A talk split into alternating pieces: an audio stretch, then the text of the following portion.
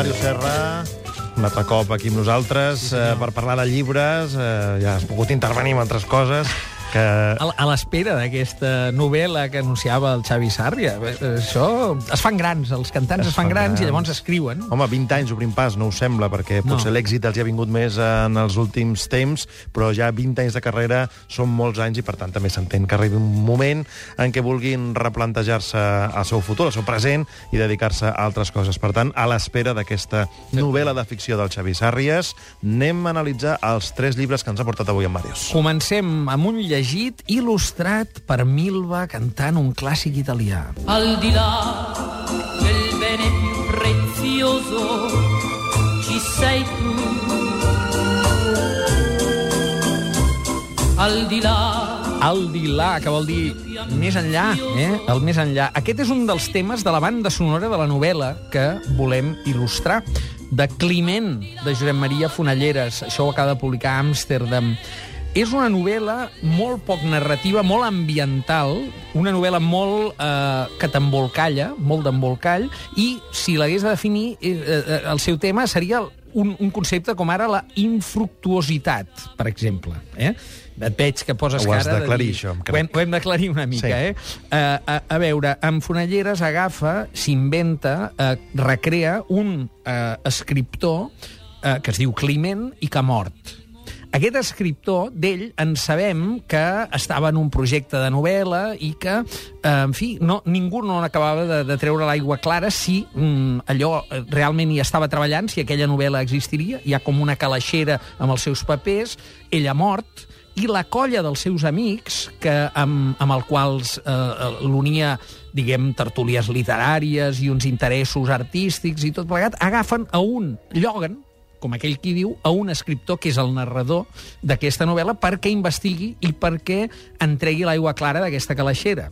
És a dir, perquè eh, busqui, ressegueixi les passes dels últims dies d'en Climent, que estava, és molt melangiós, eh, té un to, per entendre'n, semblant al Mort a Venècia, podríem dir, i aleshores, amb aquesta cançó que ho il·lustra molt bé, moltes altres referències, tant pictòriques, artístiques com musicals, en Fonalleres ens va fent de guia d'aquesta doble personalitat de l'autor que mm, va fer una obra infructuosa, que no va donar fruit, d'aquí la infructuositat, no?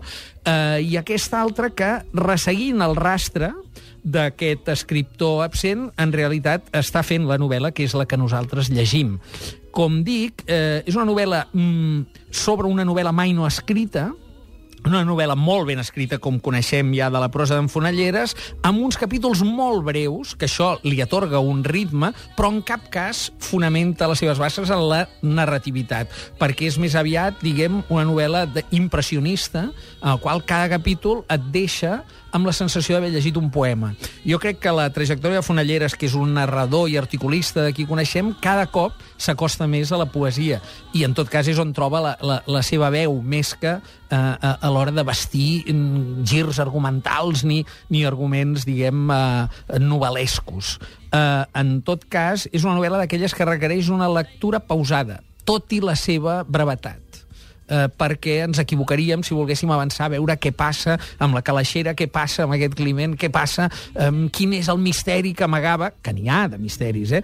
Però mm, sobretot hi ha grans moments de companyonia entre els de la colla quan aquest nou escriptor arriba i, diguem, eh, sempre li, li parlen diferent quan li parlen un per un que quan estan tots junts, és a dir, ens hem d'imaginar uns negronis, eh, uns sopars, eh, eh, eh, aquestes colles recurrents en les quals doncs, probablement en Fonelleres hi té experiència i per això la sap descriure també, i després aquesta anada a Roma, eh, que és el pes eh, final on aquell novel·lista que gairebé no tenia res a dir, és a dir, que tenia el pintor que no acaba de pintar, aquell qui té tota una gran escenografia per, eh, per dir estic treballant, eh, però no acaba sortint fruit. Per tant, novel·la sobre la infructuositat, Climent, novel·la intensa, molt ben escrita, recomanable, però absteniu-vos aquells qui busqueu arguments, diguem, i què hi passa amb aquesta novel·la? No, no, deixa-t'hi portar i aniràs al Dila. Una mica trencaclosques, potser?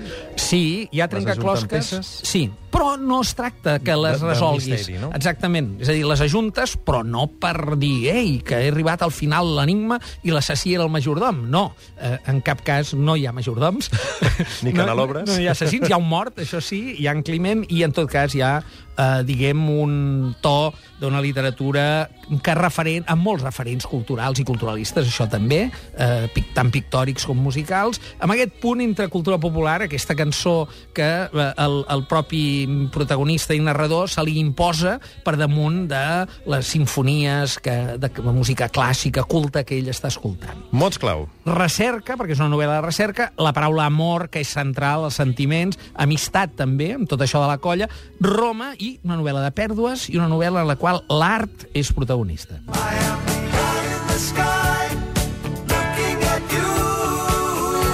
Els Alan Parsons pel rellegit. Sí, senyor. Eh, he, he volgut il·lustrar aquest rellegit amb, un, diguem, amb una mena de modernitat que ara ja és vintage, que és totalment tronada, de l'Alan Parsons, però que en el seu moment va ser la introducció... He dit els eh, Alan Parsons perquè era l'Alan Parsons Project, Project, que era un grup, Has no? fet molt bé. Sí, sí, que posava l'ull al cel, eh? Correcte. Eye in the sky. Això és per il·lustrar una, uh, un luxe. Un luxe, una traducció, per això és un rellegit, Locus Solus, eh, que és una novel·la amb aquest títol extravagant de Raymond Roussel. Això ho ha publicat Lleonard Montaner i el Centre d'Estudis Raymond Roussel, que també hi participa per eh, eh, tenir aquesta edició en tapa dura i tan meravellosa, perquè això és un llibre molt elitista. És una traducció del francès eh, i introducció, per tant, un projecte personal del poeta Joaquim Sala Sanauja. Um, què és en Raymond Roussel? Doncs és el pare del surrealisme, però no un pare que va voler tenir fills, sinó els que van rescatar, els surrealistes van rescatar Raymond Roussel com el seu primer referent. Uh, Roussel ha passat a la història perquè era un uh, gran, diguem, aristòcrata que no havia de treballar per viure i que va decidir ser un gran escriptor. Va fer obres de teatre que van fracassar estrepitosament, les muntava, les costejava, i aleshores hi havia escàndols a les platees i només el defensaven els joves surrealistes, la gent xiulava, en fi, un, un trencador en el seu moment, però de la seva obra narrativa, Impressions d'Àfrica i aquest Locus Solus, el que ha transcendit és que els seus procediments d'escriptura, la cuina de l'escriptura, era molt mecanicista. Ell partia d'unes frases que sonaven igual però volien dir coses diferents, bàsicament, en resum, i a partir d'aquí creava les trames de les seves novel·les. Això vol dir que són molt extravagants, també molt difícils de traduir. En Sala Sanauja, que ho explica i ho contextualitza bé a la introducció, se'n surt molt bé. És un luxe tenir-lo en català. Fins ara hi havia alguna traducció del Pere Gimferrer d'un eh, el- un opuscle que es diu com jo he escrit alguns dels meus llibres, que és el que li va donar fama mundial a Roussel entre els estudiosos dels anys 70 i 80, no? I van recuperar aquesta figura perduda i reivindicada només pels surrealistes. Per tant, és, és avui una recomanació amb mm, un punt vintage, si tu vols, eh, una lectura recomanable amb un català esplèndid de Sala i Sanauja, però amb aquest context. Estem com qui va veure una exposició, diguem, avantguardista i requereix un cert context abans de posar-s'hi a llegir. No és per dir, ah, llegiré una novel·la aquesta tarda que tinc una estona lliure, eh?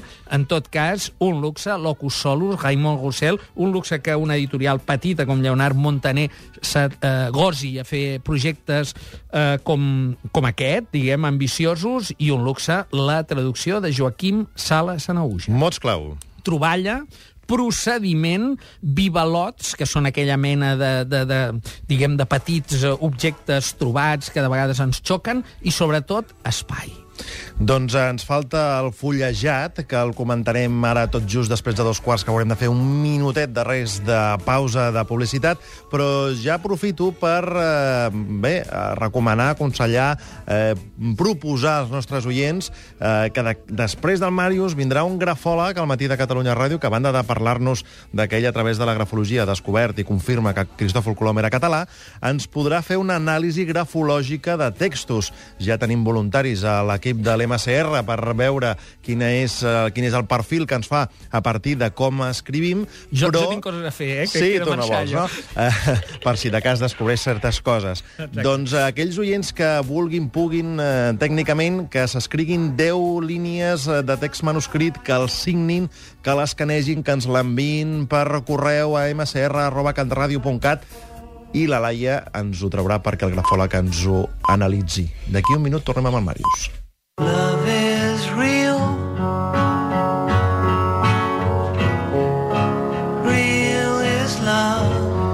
John Lennon, per acabar l'actuàlia d'avui, amb el fullejat. Sí, senyor, l'amor, l'amor...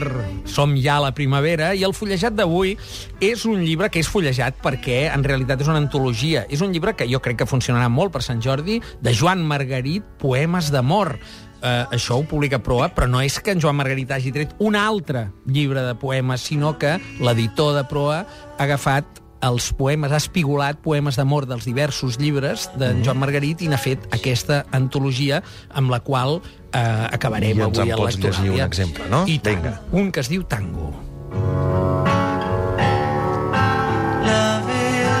Ens va separar el sexe, que és l'ossada dura i oculta de l'amor. Vam baixar junts al metro. En entrar als corredors, com un amant, l'aire calent li feia una carícia. Cadascú se'n va anar a la seva andana. Vaig ser el primer a marxar. La vaig deixar per sempre, com si s'hagués llançat al pas del tren. Love is you. Res millor doncs, que la poesia, i si és de Joan Margarit, evidentment, amb garantia assegurada per fullejar un llibre de tant en tant quan tens un moment perdut.